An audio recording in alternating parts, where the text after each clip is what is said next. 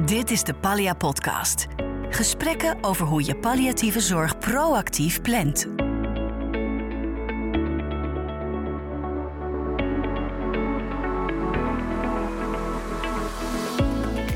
Welkom bij aflevering 6 van de Pallia Podcast, een podcast van PZNL. We praten over proactieve zorgplanning. Dat is een belangrijk thema binnen de palliatieve zorg. Het aangaan van gesprekken met een patiënt over het naderend einde van hun leven, dat is een lastig en ook emotioneel beladen onderwerp. En ik praat daarvoor met Esther van Leer. Uh, Esther, kun jij jezelf even in een paar zinnen introduceren voor mensen die je niet kennen? Ja, ik ben dus uh, Esther van Leer. Ik werk in het uh, UMC in Utrecht op de dagbehandeling van de medische oncologie. Uh, waarbij we ook mensen in de genezende fase behandelen, maar ook veel in de ziektegerichte palliatieve fase. ja, eigenlijk bijna alle ziektebeelden komen voorbij. En ook mensen die dan echt in de palliatieve setting bijvoorbeeld een uh, ascitesdrain nodig hebben, die komen ook wel eens op een dagbehandeling. Ja, dus jij hebt dagelijks met dit onderwerp te maken. Ja. ja. Jeanette Hesselman, ook welkom. Kun jij je ook even introduceren in een paar zinnen? Ja, mijn naam is Jeanette Hesselman. Ik werk als verpleegkundig specialist in het consultatieteam ondersteunende en palliatieve zorg van het UMC Utrecht. En dat betekent dat wij eigenlijk door het hele ziekenhuis komen. Ik ben een van de consulenten die door het hele ziekenhuis komt. Dus wij zien mensen met een uh, ziekte als, als kanker, de oncologische patiënten. Maar we zien, we zien ook heel veel mensen in een palliatieve setting met andere ziektebeelden. Met hartfalen, met nierfalen, met neurologische klachten. Nou ja, van alles eigenlijk. Ja, dus je hebt te maken met palliatieve zorg en mensen die van alles kunnen hebben. Ja, dus vooral levenseindezorg. Zo moet je het dan maar zeggen. Ja, ja. dat snap ik. Ja. We praten in deze aflevering over samenwerking in de proactieve zorgplanning als het gaat over palliatieve zorg. Dus samenwerking tussen bijvoorbeeld de huisarts, de verpleegkundige, de specialist. Nou, we hebben hier twee aan tafel zitten. Um, uh, zal ik met jou beginnen, Esther, met de vraag: krijg jij wel eens iets overgedragen? Heb je wel eens mensen die bij je komen uh, en die zeggen: Oh ja, inderdaad, uh, palliatieve zorg. Ik heb het er uitgebreid met mijn huisarts al over gehad. Ja, wij zien mensen vaak nog wel in de ziektegerichte palliatieve zorg. Dus dan zijn er nog wel wat behandelmogelijkheden. Maar vaak, zeker ook in een voorlichtingsgesprek, dan spreken we mensen uh, behoorlijk lang. Ook uh, wel in een aparte spreekkamer. En dan komen er ook echt wel gesprekken over, nou ja, wat, wat is, hè, deze behandeling is palliatief. Dat mensen ook weten wat palliatief is. Dat ze dan ook weten dat ze niet meer beter worden. En dat ze soms ook nog wel met de medisch specialist en in sommige gevallen ook met de huisarts wel al, nou ja, nagedacht hebben. Wat als deze behandeling niks meer doet? Ehm, ehm, ja, wil ik dan uh, naar huis? Uh, hè, denk ik na over euthanasie, hè, TZT of over palliatieve sedatie. Maar soms is het ook niet, nog niet bespreekbaar, omdat ze juist nog wel een behandeling ondergaan. en dan um, ja, eh, komt het nog iets meer naar de achtergrond. Dus komt het pas later in het traject dat het bespreekbaar is. En dan komen ze bij jou uit. Dan ga jij een gesprek met ze voeren. Ja, of ze bespreken het met de medisch specialist die dan de, behandel, uh, hè, de behandeling voorstelt. En uh, ik vraag meestal wel in een gesprek of ze contact hebben met een huisarts. Of als je signaleert in een uh, gesprek met de patiënt dat er bijvoorbeeld een wat minder sociaal steunsysteem is. Dat ze dan bijvoorbeeld in de eerste lijn ook een oncologieverpleegkundige hebben die thuis een beetje vinger aan de pols kunnen houden en eventueel ook dat gesprek zou kunnen voeren. Of als tussenpersoon tussen de huisarts en nou ja, de zorgvrager uh, een rol kan spelen. Hm. Jeanette, ben jij meestal de eerste die met mensen een gesprek voert over palliatieve zorg, over zorgplanning? Um, binnen de oncologie niet, denk ik. Ik denk dat het binnen de oncologie uh, toch wel iets is wat, wat ook wel heel erg ingeburgerd is. En, en daar heeft dat begrip ook echt wel uh, ja, aparte aandacht, denk ik. Mhm. maar ook daar zijn mensen die het eerder niet willen weten. Hè. Of zolang er nog behandeld wordt, denkt iedereen toch nog... ja, maar ik ben de eerste die hier wel van gaat genezen. Dus het, het is voor, voor patiënten echt ook vaak zo een, een, een plek waar je niet mag komen... zolang er nog behandeld wordt. Want dat is, dan verliezen ze hun hoop. Dus het vraagt aan, van hulpverleners veel vaardigheden om een goed gesprek te houden over realiteit, waarin hoop behouden wordt, uh, maar toch uh, gepraat kan worden over wat als het slecht afloopt. Ja, ja. En je noemde net ja. oncologie, want ja. toen dacht ik dan kan het bij anderen misschien wel heel anders Ja, dat zijn. is echt wel een andere tak van sport. Dat zie ik wel, dat, dat bij, bij andere ziekten dat het toch veel minder op de voorgrond staat om überhaupt na te denken over een naderend overlijden. En zeker om dat ook niet te bespreken met mensen om je heen. Hè, binnen de familie of, of, met je huisarts. Dus, dus, we merken daar veel meer dat we vaak de eerste zijn die na het slechts nieuwsgesprek, zeg maar, hè, van de medisch specialist, dat wij dan vaak de eerste zijn die met, een, met iemand aan in het gesprek beginnen. Van, joh, is het ooit wel eens door je heen geschoten? Heb je hier wel eens over nagedacht dat ook dit scenario zou mhm. kunnen optreden? En wat, wat is je idee daarover? En wat zeggen de meeste mensen dan? Nou, wat, je ziet is dat, dat, dat naasten daar vaak wel iets meer mee bezig zijn dan patiënten zelf. Hm. Uh, uh, want die maken zich daar zorgen over. Van wat als hij dat niet meer kan of als er straks een moment gaat komen. Patiënten zelf ah, ja, hebben, hebben daar vaak ook minder behoefte aan, maar hebben wel die gedachten. Hebben wel die, die, die, die, denken wel aan wat als ik niet meer verder kan, of wat als ik dit niet meer kan afmaken. En um, zitten soms ook in een levensfase, uh, soms ook jong, soms ook oud, um, waarin ze ook passende vragen hebben die er op dat moment voorbij komen. Ja. Waar ze eigenlijk weinig mee gedaan hebben. Uh, wat doe ik met mijn kinderen? Uh, wat wil ik nog naar een verpleeghuis?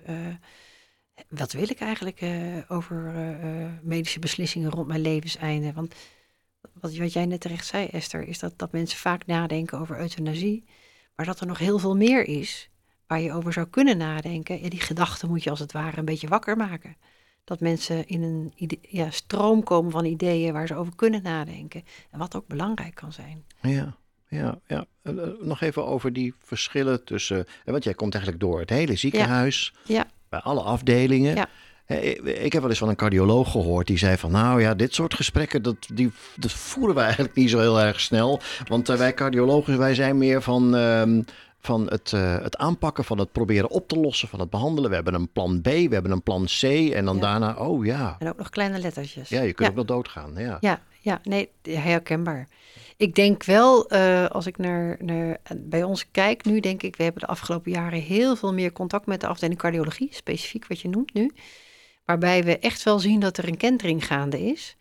Maar dat het, dat, dat, en dat, dat komt vooral doordat ze, uh, ja, dat, dat de verpleegkundigen dat vaak allemaal wel zien, maar dat de artsen heel erg praten over wat er allemaal wel kan. Dus we zien nu voorzichtig dat er van binnenuit ook echt veel meer aandacht is, uh, omdat ook als het niet goed gaat, als mensen komen te overlijden, dat dat bespreekbaar moet worden. En dat er ook gesproken moet worden over bijvoorbeeld wil iemand nog wel opgenomen worden met het dichtste probleem? En dat je dat nu moet bespreken en niet aan de huisarts moet overlaten, maar dat je daar zelf ook een verantwoordelijkheid in hebt. Dat het voor een patiënt ook soms beter is, omdat je echt uh, ja, meer bewustzijn over wat iemand wil, maakt ook dat je beter kan aansluiten. En dat maakt uiteindelijk ook voor een behandelaar natuurlijk heel veel uit, om aan te kunnen sluiten bij wat iemand graag wil. Ja. Ja. Dus ik, ik zie echt de laatste drie, vier jaar daar een verandering in ontstaan. In ieder geval bij ons in het ziekenhuis. Ja ja. En ja, jij hebt vooral te maken met oncologie.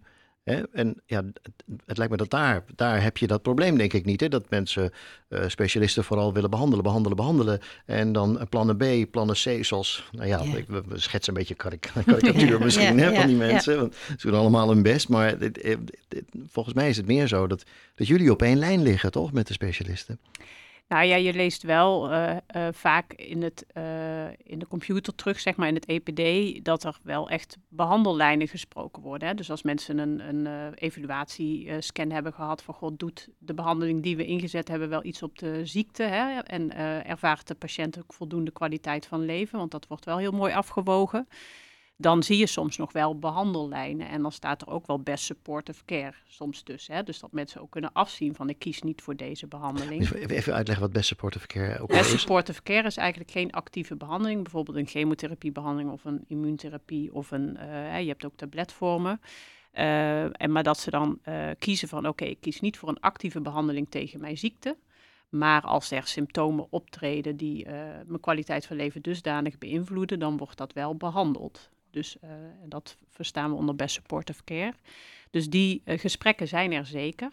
En toch heb je ook wel een hele hoop um, patiënten die dan toch nog voor een zoveelste lijn behandeling komen. Alleen is er op zo'n moment dat er toch een knik is, dus dat de eerste behandeling niet goed aanslaat en mensen voor een tweede of een derde behandeling komen, uh-huh. dat er dan soms wel meer openheid is om ook te bespreken van oké, okay, er worden meer, minder behandelopties.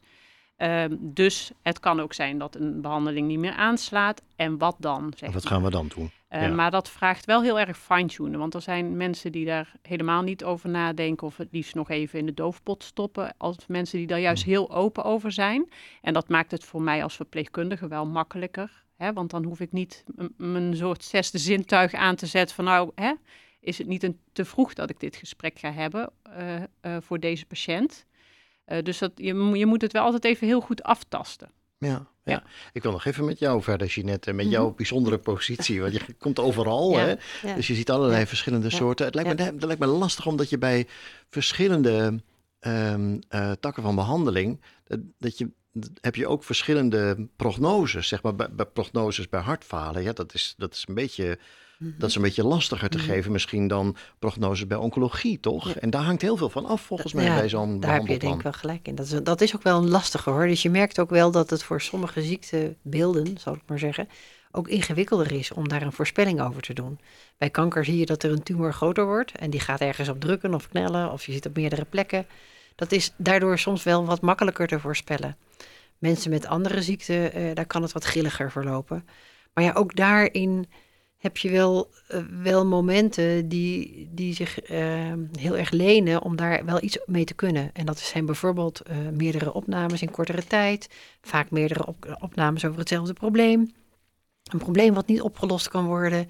Dus je, ook daar, een beetje te vroeg beginnen kan misschien ook helemaal geen kwaad. Want je, als je het maar voorzichtig doet, ja, als je, je kunt aan mensen vragen, vindt, zou u daar wat over willen weten? Is het onderwerp van gesprek thuis? Zou, zou ik u daar wat over willen, uh, wat kunnen vertellen? Mhm. En dan zie je vanzelf wel of mensen daar een ruimte voor hebben, of dat dat helemaal nog niet het geval is. En soms ben je ook wel zo van, goh, ik snap dat u het er niet over wil hebben, maar ik kan me wel voorstellen, realiseert u zich dan dat het misschien betekent dat u bijvoorbeeld wordt ingestuurd door een waarnemende dokter op vrijdagavond, omdat dit onderwerp niet besproken is. Dat dat de consequentie ervan is. En ja, als je het zo praktisch maakt, dan zien mensen toch wel vaak dat het wel handiger is om daar wel in ieder geval met hun naaste over in gesprek te gaan. Nou, dat die niet met een heleboel vragen blijven. Ja, en, dat die naaste ook weet wat hij moet doen als er thuis een probleem ja. is. En, en, en, pak je dat dan, hoe pak je dat dan aan? Want je, jij moet vooral overdragen aan andere mensen. Hè? Dan dit, dit soort gesprekken wat eruit komt. Mhm. Heb, hoe doe je dat? Gewoon puur praktisch. Heb je een soort vragenlijst die je, die je invult? Of hoe doe je, je dat bedoelt aan uh, familie? Bedoel je, nou, nee, nee, ik bedoel, als collega's? jij uh, jouw bevindingen, wat je besproken hebt met mensen, wilt overdragen aan, nou ja, bijvoorbeeld aan, aan, aan verpleegkundigen, aan andere aan specialisten, die dat, of aan eigenlijk iedere dokter die dat op vrijdagavond laat, als de paniek ineens uitbreekt, toch maar moet kunnen lezen. Hoe doe je dat? Nou ja, we hebben natuurlijk wel een bepaalde standaard verslaglegging waarin we daar uh, uh, oog voor hebben. En dan gaat het heel erg om de dingen die nu aan de hand zijn en de dingen die voor een patiënt het meest belangrijk zijn. Want dat zijn niet altijd dezelfde dingen. Mhm. En je kunt je voorstellen als je opgenomen wordt met heel veel pijn, om wat voor reden dan ook, dan zijn wij als zorgverleners heel erg op gefocust om die pijn naar beneden te brengen. Maar een patiënt die kan wel bedenken van ja, als het nou betekent dat ik door die pijn misschien hier in het ziekenhuis ga overlijden en niet meer thuis kom, dat, dat is iets wat ik per se niet wil. Dus je weet je, aan ons, en niet alleen wij als palliatieteam, hè, maar dat doen natuurlijk alle zorgverleners. Je probeert vrij snel op tafel te krijgen. Oké, dit is het probleem, dit kunnen we eraan doen, maar wat is nou voor jou belangrijk? Ja, om de grenzen te weten. Ja, en ook om te bedenken, oké, als jij zo graag naar huis wil, dan moeten we nu gaan kijken of dat haalbaar is. Als wij ook denken dat misschien het overlijden aanstaande is. Dus, dus dan ga je daar met elkaar wel over in gesprek. Ja, en Esther, jij, want jij voert die gesprekken ook met mensen, voornamelijk over oncologie. Heb je daar ook een soort van, van, van, nou, dit moet er in ieder geval in staan. Ik heb een vragenlijst, ik heb een opzet in mijn hoofd, uh, want ik moet het ook kunnen overdragen aan andere mensen. Uh, ja, onze uh, zeg maar wisselwerking zit vooral tussen de medisch specialist vaak en het team op de dagbehandeling, dus zeg mhm. maar ons verpleegkundige. Uh, dus wij uh, rapporteren het in ieder geval en um, uh, vragen anders desnoods ook aan de medisch specialist om actief ook aan de huisarts over te dragen. En soms is er ook een, een thuiszorg of een um, oncologieverpleegkundige in de eerste lijn betrokken. -huh. Dus als we echt het idee hebben van, goh, het is belangrijk dat er bepaalde punten ook thuis weer besproken worden dan uh, gaan we die oncologieverpleegkundige bijvoorbeeld benaderen. Het zij per mail of telefonisch, um, uh, om even actief over te dragen. En heel soms kan het ook echt heel prima via de patiënt zelf met een mantelzorg die aanwezig is. Uh, hè, als ze voldoende dezelfde regie kunnen voeren. dan, ook een beetje af in welke fase natuurlijk iemand zit. Hè? Ja. Dat, wie weet komt er ook een diëtist bij die uh, moet weten van de hoed en de rand. Maar dan moet je, je hebt, dat zijn best veel, dat is een lang rijtje. Het kan zomaar een lang, lang rijtje zijn. Die moet allemaal snappen wat jij hebt opgeschreven, toch? Uh, ja, die moeten wel snappen waar je. En het moet niet verzanden in uh, het EPD. Dus we proberen het wel op een centrale plek neer te zetten. Dan wel dat je het herhaaldelijk bespreekt. En we proberen ook wel te letten op continuïteit van zorg. Dat je vaak dezelfde zorgvrager ziet. Omdat je dan uh, niet steeds weer opnieuw hoeft te beginnen. Dus zolang mensen bij ons de behandeling Mhm. ondergaan, proberen, ja, zien we mensen soms echt om de twee, drie weken gewoon terug. Dus kun je ook een gesprek voortzetten. Um, en als het op een gegeven moment een moment daar is dat er, uh, hè, uh, dat, uh, er geen behandeling, echt actieve behandeling meer mogelijk is en dat de huisarts het meer over moet nemen, dan is vaak wel de medisch specialist die actief de huisarts belt voor goh, wij hebben hier geen actieve ja. behandeling meer, eh, jij moet nu de zorg gaan overnemen en dan worden dingen Ja, ook echt overgedragen. Ja, je, je bedoelt dat gaat niet op papier, dat gaat ook met gesprekken. Ja, ja, Ja. ik denk ook dat sommige dingen niet op papier te vangen zijn. Die moet je juist eh, echt even warm, ja, ik noem het even warm overdragen, maar even per telefoon eh, eh, doen. Want ja, Maar goed, wat, wat Jeanette zegt, op een vrijdagavond een invalarts en die, die wordt gebeld. hè, mijn moeder heeft zus of mijn vader heeft zo, wat moeten we nou doen? Er is paniek. Dan, die, die zal het uit je papier moeten halen. Ja. En ik denk dat daar best wel nog een uitdaging ligt eh, eh, als, je, als je soms in EPD's kijkt naar wat er allemaal opgeschreven is om de belangrijke punten daaruit te halen. Oh, Eh, ma- mag ik even een stomme vraag stellen? Is er eigenlijk een soort van, van ehm, eh, algemeen aanvaarde voor iedereen duidelijke eh, woordenlijst? Is er iets van een taxonomie eigenlijk op dit vlak? Ehm, nou, we hebben daar wel een soort van afspraken over. En er, zit, er zitten binnen het, eh, het landelijke programma heeft, eh, zeg maar, de hele COVID-periode heeft gemaakt dat er nu ook een soort van, eh, niet een soort van, maar gewoon een, een, een, eigenlijk een lijst is gekomen van twee A4'tjes waarin het gaat over afspraken die er zijn voor toekomstige zorgplanning, de advanced care planning. Dat is een lijst van twee A4'tjes, die, en, maar dat is onze bekende vakterminologie. Mhm. En er zijn ziekenhuizen waar ze dat keurig hebben ingebouwd in het eh, verpleegkundige of in, de, in, het, in het dossier. Mhm. Zodat daar ook heel nadrukkelijk eh, antwoorden staan, vragen staan. En dat je ook goed kunt lezen eh, wat een patiënt en naaste daar al wel of niet heeft gedaan en wie dat besproken heeft. Nou, maar jij bent daar als een soort Ja. van, eh, Ja. eh, nou ja, hoe noem je dat? Liaison d'amour. Jij, jij loopt overal tussendoor en Ja. voert deze gesprekken ook. Ja, Dus eh, ja, ja. jij kunt die kennis overdragen Ja, dan dus, toch? dus- dus dat doen we ook. En dat is, dat is ook iets, weet je, wij, wij hebben een ja, format waarin we de dingen opschrijven, waar juist met name zeg maar, de acute problemen heel goed uitkomen, maar ook de dingen voor de lange termijn. En die blijven we ook vervolgen. Ja, Duidelijk ja. herkenbaar in het dossier. Dus dat is, dat is heel goed. Jij bent een beetje de, de wandelende, hoe noem je dat, taxonoom. Je bent degene Nou, die, die dat de wil, ik niet, dat wil ik en de niet zeggen. Maar, maar want we- weet je, terminologie is ook wel soms gevaarlijk, omdat je echt elkaar goed moet verstaan. Mhm. Je moet echt bedenken, eh, en eh, dat- zeker als het gaat om levenseindevragen, dan heb je natuurlijk heel vaak dat mensen zeggen van, ehm, ja, maar dat wil ik niet. Ik heb daar goede afspraken over met mijn dokter. Mhm. En dan ga je eens eventjes eh, zitten peuteren van, maar wat zijn dan die goede afspraken? Ja, En dan, en dan merk je dat er eigenlijk alleen maar gezegd is: ik zal er voor je zijn. Eh, eh, en daar kan je dus echt helemaal niks mee. Dus dan Nou. proberen wij met een patiënt juist dat gesprek te voeren van God, als je nou naar de huisarts gaat, hè, wat is dan voor jou belangrijk? Wat moet die huisarts voor jou doen? En zorg dat je die meeneemt in jouw verhaal. En, en zorg ook dat je goed afdekt dat wat er besproken wordt, hoe, dat, hoe gaat het als die huisarts er niet is? Als hij op vakantie is, als hij ziek is. We hebben, eh, maak daar afspraken over. Dus je probeert juist een patiënt bij, vooral in zijn eigen situatie, wat hij allemaal nog kan, dus ook vroegtijdig mee te nemen in dat traject wat ook bij huisartsen nodig is, om elkaar goed te blijven verstaan en geen verwachtingen te laten ontstaan die hier en daar niet waargemaakt worden. Want dat is zo fnuikend. Voor patiënt, maar ook zeker voor familie, dat, is niet, niet, eh, dat kunnen ze niet meer hebben in zo'n fase. Nee. Dus je moet heel helder en heel expliciet zijn. Ja, daar doe ik wel eens een voorzet voor. Dat, Ja. dat klopt. Bij patiënten, maar ook bij artsen. Eh, eh, ja. Ja, ik heb wel eens gehoord van, van een, een, specialist die dan ehm, zo'n gespreksverslag aan het lezen was. En dan tegenkwam, is euthanasie besproken? Ja, euthanasie is besproken. Punt. Nou, nou ja, dat dus. En succes mee. Ja. Dat, is, eh, Ja. dat, dat lijkt me killing. eh, eh, Ja. Want eh, ja, dan ben je eigenlijk heel onduidelijk naar elkaar geweest. Ja.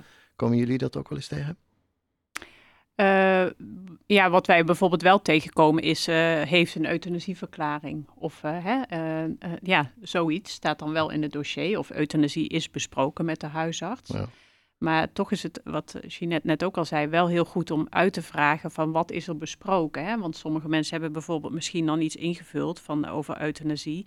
Maar die weten niet dat ze dan wel nog bepaalde wilsbekwaamheid moeten hebben op het moment dat ze om euthanasie vragen. Die denken, nou, ik heb het allemaal goed geregeld hè, voor mm. mijn laatste fase. Ja. Maar als er een kink dus in de kaart... tegen de tijd dat ik dan niet meer aanspreekbaar ben, dan weten mensen wat ze moeten doen. Ja, en dat nou, is niet zo. Nee, Nee, en soms is er ook echt, uh, hè, eh, als je het hebt over terminologie, hè, uh, van um, ja, we kunnen niks meer doen. Dat komt heel hard binnen. Dan denken mensen, oh, ze trekken de handen van me af. We doen geen actieve behandelingen meer, dus ik moet het zelf maar uitzoeken. Ik kan naar huis, ja.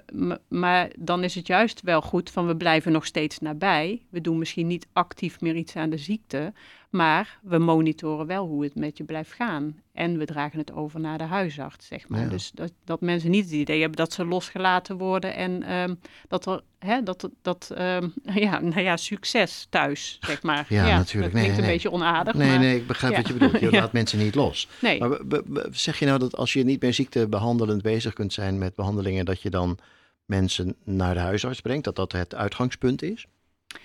Uh, nou ja, dat wordt eigenlijk wel heel erg uh, ook samen uh, zoveel mogelijk met de patiënt besproken. Want sommige mensen zijn echt wel heel lang onder behandeling bij een medisch specialist geweest en bij een mhm. oncoloog. Dus die hebben wel een hele erg goede vertrouwensband. En um, dan is het voor sommige patiënten best een overstap om opeens naar een huisarts te gaan die ze wellicht iets minder gezien hebben de afgelopen periode. Ja, maar goed, die specialist is ook druk. Ja, dus er worden wel afspraken gemaakt, ehm, in ieder geval om warm over te dragen. Dus dat die huisarts gebeld wordt van uh, hè, de, de, patiënt komt naar huis en de, ja, wil jij de zorg overnemen? Maar dan wordt er soms toch nog een klein lijntje wel gehouden. Alleen moet je wel heel duidelijk afspraken maken dat dan wel de huisarts in de lead gaat en niet dat de medisch specialist zich daar weer mee of tussen gaat bemoeien. Want hè, in principe is iemand dan vooral ja, thuis en dus met een huisarts, eventueel thuiszorg, uh, vrijwillige palliatieve thuiszorg, wat er dan ook nodig is. Ja, ja. dat kan best een, een uh, intensieve samenwerking zijn dan die je hebt tussen de eerste lijn en tweede lijn. Heen en terug, zeg maar. Ja, ja. ja. Ja, is het, oké, jij bent van oncologie, Jeanette. Mm Vertel eens, is dat alleen wat zij vertelt, gaat het, gaat het overal zo? Of, of uh, bij alle afdelingen nou, die je tegenkomt, of niet? Nee, ik, ik denk wel dat binnen de oncologie is het in die zin relatief goed geregeld. Maar als je doodgaat aan iets anders, om het maar even zo te zeggen, bijvoorbeeld aan mhm. hartfalen, ja. dan is er niet een, uh, we hebben de oncologieverpleegkundige in de thuiszorg, maar er is niet overal een hartfaalverpleegkundige in de thuiszorg. Dus, en die oncologieverpleegkundigen weten heel veel over palliatieve zorg. Dus je, je zou eigenlijk uh, uh, ook experts willen hebben als het gaat om palliatieve zorg bij mensen met andere ziekten. Hm. En uh, die verstand hebben van wat er dan gebeurt met een patiënt, wat voor symptomen, maar ook wat er met naasten, wat er binnen een gezin gebeurt, wat er tussen partners zou kunnen gebeuren. en, en hoe moeilijk het soms is voor iedereen om die weg naar de huisarts blijvend te kunnen vinden. Ja. Hoe gaat die terugverwijzing naar de huisarts dan? Uh, of worden ze helemaal niet terugverwezen? Nou ja, ook, ook daar weer geldt een beetje hetzelfde als wat jij net zei uh, over ehm, ehm, worden mensen nog behandeld. Bij andere ziekten is het wel vaak zo dat je tot korter voor de dood behandeld hebt. Met hartfalen word je behandeld tot de dag dat je doodgaat, zolang je kan slikken, zeg maar. Dus, um, ja, dus er is altijd wat meer contact met behandelaars. Uh, maar daar zijn de, hu de, huisartsen natuurlijk ook heel goed in hè? Uh, geworden, ook zeker de laatste jaren. Um, dus het is voor ons belangrijk om juist tegen die cardiologen in dit geval te zeggen van joh, zorg dat je op tijd inderdaad ook die huisarts belt. Net zoals, dat, als, zoals we dat binnen de oncologie doen. Mm -hmm. Dat is echt wel, uh, dat is niet vanzelfsprekend. Minder vanzelfsprekend als binnen de oncologie, denk ik. Maar ze gaan terug naar de huisarts. Ja, als mensen thuis blijven, want dat is natuurlijk een punt. Uh, mensen kunnen ook in een ziekenhuis overlijden. Ten, mhm. ten, terwijl ze nog ten volle behandeld worden. Als je bijvoorbeeld, je hebt last van hartfalen, hm cardioloog zegt, ik kan niet meer ziektebehandelend optreden, of, of andere woorden in ieder geval. Mhm. Maar dan, dan kan het heel goed zijn dat iemand bijvoorbeeld last krijgt van vocht achter de longen. En, hè, en, en dat een huisarts echt nog wel moet, uh, moet helpen. Ja. Ja, ja, maar dat, dat, dat is dan ook heel fijn dat die huisarts en die, en die specialisten ook hebben afgesproken. Weet je, dit zijn inderdaad de problemen bij hartfalen die kunnen gaan optreden. Mhm. We hebben afgesproken dat de patiënt niet meer naar het ziekenhuis komt. Dus dat betekent dat je maximaal alles thuis doet. En dat je een patiënt niet meer instuurt naar een ziekenhuis. Omdat hij dan waarschijnlijk in een ziekenhuis gaat overlijden. Ja. En ben jij er dan altijd bij geweest? Bij, nee, zeker niet. Oh. Nee, dat kan ook bijna niet, joh. Want dat gaat om zo... zeggen, dan heb je het heel druk, denk nee, ik. Nee, daarom. Dat, en bovendien, ik, weet je, ik werk gelukkig niet alleen. We werken in een team. Mhm. Maar eh, daarnaast eh, is het natuurlijk eigenlijk bijna dagelijkse zorg voor een heleboel cardiologen. Bij heel veel van hun patiënten zal dit zo zijn. Maar ook binnen de neurologie, binnen de maag-darm-leverziekte, binnen de KNO. Je hebt zoveel ziekten waaraan je kunt overlijden dat vooral de mensen die dicht om een patiënt heen zijn, uh, in de loop der jaren, alle behandelaars, die moeten dat vooral kunnen. Dus moet je niet altijd bij een ander neerleggen. Maar soms is het ingewikkeld. En mhm. dan vind ik het fijn dat wij als consultatieteam daar een rol uh, in kunnen spelen. Ja, maar het gaat natuurlijk ook wel over taakafbakening, natuurlijk tussen eerste lijn en tweede lijn, toch? Van ja. wat, wat, wat, wat kan dan de huisarts wel doen en wanneer zegt de huisarts van ja, oh, wacht even, nu moet je echt naar het ziekenhuis. Ja, nou ja, weet je, sterven kan je thuis. Dat is heel simpel. Dus je moet het eerst eens zijn over, wordt er gestorven op dit moment? Eh, mhm. Of heb je een probleem? Eh, is de kans groot dat je daaraan sterft? En accepteer je dat dat, dat dat misschien tot sterven leidt? En klopt het inderdaad dat je thuis wil blijven? Heb ik dat goed begrepen van jou? Want nu is het probleem echt aan de hand. Dit is wat er staat op papier. Is dat inderdaad relevant? En gaan we dat zo doen? Dan betekent het dat we je thuis houden. Dat we je klachten op een andere manier gaan uh, dat, dat we echt gaan palliëren, zoals wij dat dan noemen. Hè? Ja. Bijvoorbeeld met morfine bij mensen die benauwd worden, omdat je dat vocht achter die longen bij de hartfaalpatiënt niet meer weg kan halen. Daar kan je niks meer aan doen. Dus je accepteert dat je niet meer alles gaat doen, uh, omdat de patiënt al heeft laten zien daar niet meer beter van te worden en dat het hart echt op is. Dat er ook een tijd is dat mensen mogen gaan. Ja. Esther, het lijkt me heel moeilijk, maar dit is ook omdat ik geen medicus ben, maar het lijkt me heel moeilijk om zeker te weten dat de patiënt goed begrepen heeft in welke situatie die zit en wat jij wel of niet voor hem kunt doen. Uh, ja, ik denk door ervaring dat je dat wel heel goed door kan hebben, zeg maar. In, uh, in het goed doorvragen uh, van, ja, u heeft net een uitslag gekregen en je gehoord van inderdaad, ik ben palliatief, zo benoemen veel mensen dat ook. Mhm. Dus veel mensen zeggen daarna ook van ja, ik kan niet meer beter worden. Maar hè, uh, ze geven daar nog wel uitleg aan van ik kan niet meer beter worden. Maar er is nog wel een bepaalde behandeling nodig om de ziekte tot staan te brengen. Of misschien nog wel te verminderen. Hè, dat er toch nog wel een stukje hoop op is. Mhm. Dus um, er zijn veel mensen die dat heel goed begrijpen. Ja. Maar som, we stel je voor dat iemand cognitief niet meer zo goed in staat is om dit allemaal zo 1, 2, 3 op te pikken. Of er is een taalbarrière?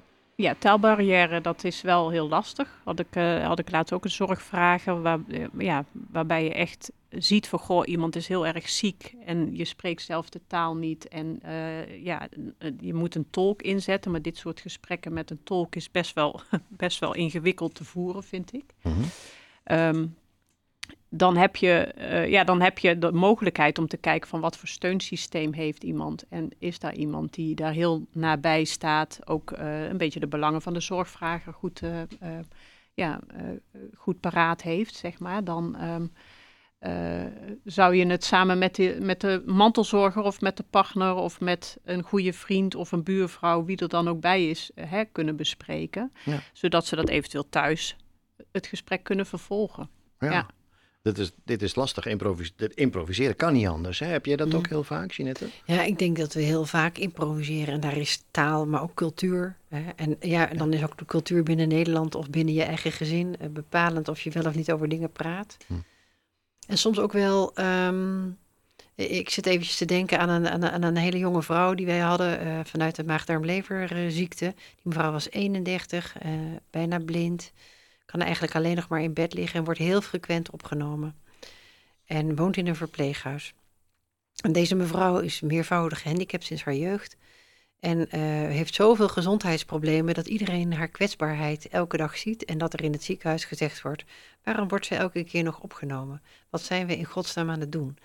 Uh, en bij haarzelf is altijd het moment geweest van: ja, jullie kijken naar mij als een blinde, invalide vrouw, maar in mijn hoofd ben ik gewoon wie ik ben. Dit is voor mij wie ik ben. Dus uh, heeft daar altijd heel veel moeite mee gehad. En uiteindelijk zag ze natuurlijk ook wel dat haar uh, gezondheidsproblemen zo groot gingen worden. Was, uh, maar wilde eigenlijk om een beslissing te nemen, om niet meer terug te gaan naar het ziekenhuis, laten afhangen van, van een doop. Ze was erg gelovig. En uh, had, was nooit aan die doop toegekomen. En in binnen dit geloof moet je, binnen de Jehovah's is dat, moet je volledig ondergedompeld worden. Mhm. Maar omdat zij zo kwetsbaar is, durft niemand dat. Dus dan raak je in zo'n impasse van, uh, ja, je bent te kwetsbaar om te dopen, maar als je niet gedoopt bent, kan jij geen beslissing nemen over jouw levenseinde. Dus uiteindelijk hebben wij in het ziekenhuis gefaciliteerd dat deze mevrouw in het bad van de revalidatie, met zo'n bodem die naar beneden gaat, uh, gedoopt kon worden op een brancard. En uh, het zijn de mensen van de herkerk uh, bij geweest, was allemaal heel erg mooi. En toen heeft ze vervolgens de beslissing kunnen nemen. En nu wil ik niet meer ingestuurd worden. Als ik nu nog ziek word, uh, weer, en dat zal gebeuren, want ze binnen elk, nou, elke twee maanden ligt ze in het ziekenhuis voor een bepaalde periode. Mhm. En dat is al gedurende twee jaar zo. Nu pas heeft ze de beslissing kunnen nemen. Ik ben gedoopt. Als ik nu overlijd, dan ga ik daar naartoe waar ik wil zijn. Dan komt het goed met mij. Ik heb dat vertrouwen. Nu kan ik het leven loslaten. wat een mooi verhaal. Ja, dat, maar dat zijn eigenlijk verhalen, waar, daar kom je achter omdat je één iemand kent, omdat je eh, niet vanuit het medisch perspectief uh, betrokken Ik zit niet vast aan die behandeling, ik hoef daar niks mee. Dat vindt zij ook heel prettig. Uh, um, ja, en, en, en omdat je denkt, wat jij begon over improviseren, uh, en daar haakte ik op aan. ja, soms dan moet je improviseren en dan denk je van, wat is nou voor jou belangrijk? Nou, dit was het. Ja, zeker. En, en soms kan het dus. Dus dan, ja, dan doe je dat soort dingen. Ja. Dus, ik wil jullie vragen van hoe borg je wat je bespreekt met je team. Maar eigenlijk hebben jullie het al gezegd. Hè? Ik, ik dacht, je moet het vooral goed opschrijven. Maar als ik jullie zo hoor, dan zeggen jullie eigenlijk alle twee van ja, je kunt het wel opschrijven. Maar voer gesprekken. Sommige dingen kun je niet op papier overdragen, toch? Uh, nou ja, wij zijn uh, als afdeling heel blij met het palliatieteam. Mm want ja. uh, heel soms heb je zorgvragers waarbij je gewoon denkt van, goh, er klopt iets niet, we krijgen niet helemaal de vinger erachter, um, het gaat niet helemaal lekker, je maakt je zorgen. Um, uh, nou ja, en dat je dan denkt van, goh, het is gewoon fijn dat iemand even objectief meekomt kijken, ja, zeg maar. Gewoon bespreken. Dus, ja, ja, ja, en dat je het dan bespreekt. Dus we bespreken het natuurlijk eerst binnen het arts-verpleegkundig team. Maar soms kom je er gewoon niet uit. Of dan denk je van, hmm, er is iets. er is toch nog ja, iets. Ja, er is iets. En dan is het gewoon fijn dat je echt even een objectieve blik hebt van een palliatieteam die echt eventjes, nou ja, even de helikopterview kan hebben van uh, denken we aan alles. of uh, ja, zijn er dingen nodig, zowel tijdens de behandelingen of hè, juist in de eerste lijn. Ja, ja, Jeanette, de, de, de, het borgen uh, van de informatie. Hoe, hoe, doe je dat goed binnen het team? Het kan eigenlijk niet op papier alleen maar. Hè? Je moet het ook nee, met gesprekken doen. Nee, nee, ja, weet je, ik, ik denk dat wij uh, uh, ook heel veel stiekem natuurlijk met zaalartsen en verpleegkundigen bespreken. Ook om mensen mee te nemen in dat begrip. En vooral ook om te kijken dat mensen ook gaan doen waarvan wij met z'n allen hebben bedacht dat dat verstandig zou zijn. En dat dat ook past bij de wensen van iemand. Maar daarnaast eh, bellen wij ook heel veel met huisartsen, met oncologieverpleegkundigen, met allerlei andere mensen die er soms nodig zijn. Met psychiaters soms ook, weet je, als je, als je even denkt van jongens, eh, er zit hier iets, hoe kunnen we dat regelen en hoe kunnen we het mhm. voor deze patiënt regelen? Niet, niet de groep, maar voor deze unieke patiënt. En dus dat betekent dat we daar wel veel moeite voor doen. Daar gaan we achteraan en dan laten we ook niet los totdat je die hulpverleners hebt gesproken. En, uh, en vooral met name continuïteit in persoon is daar heel erg van belang dus soms ben je ook degene die tegen de patiënt zegt: ja, maar je hoeft niet. Uh, misschien moet je met je huisarts eens het gesprek aangaan dat, dat je bij één huisarts komt en niet bij alle huisartsen uit de praktijk.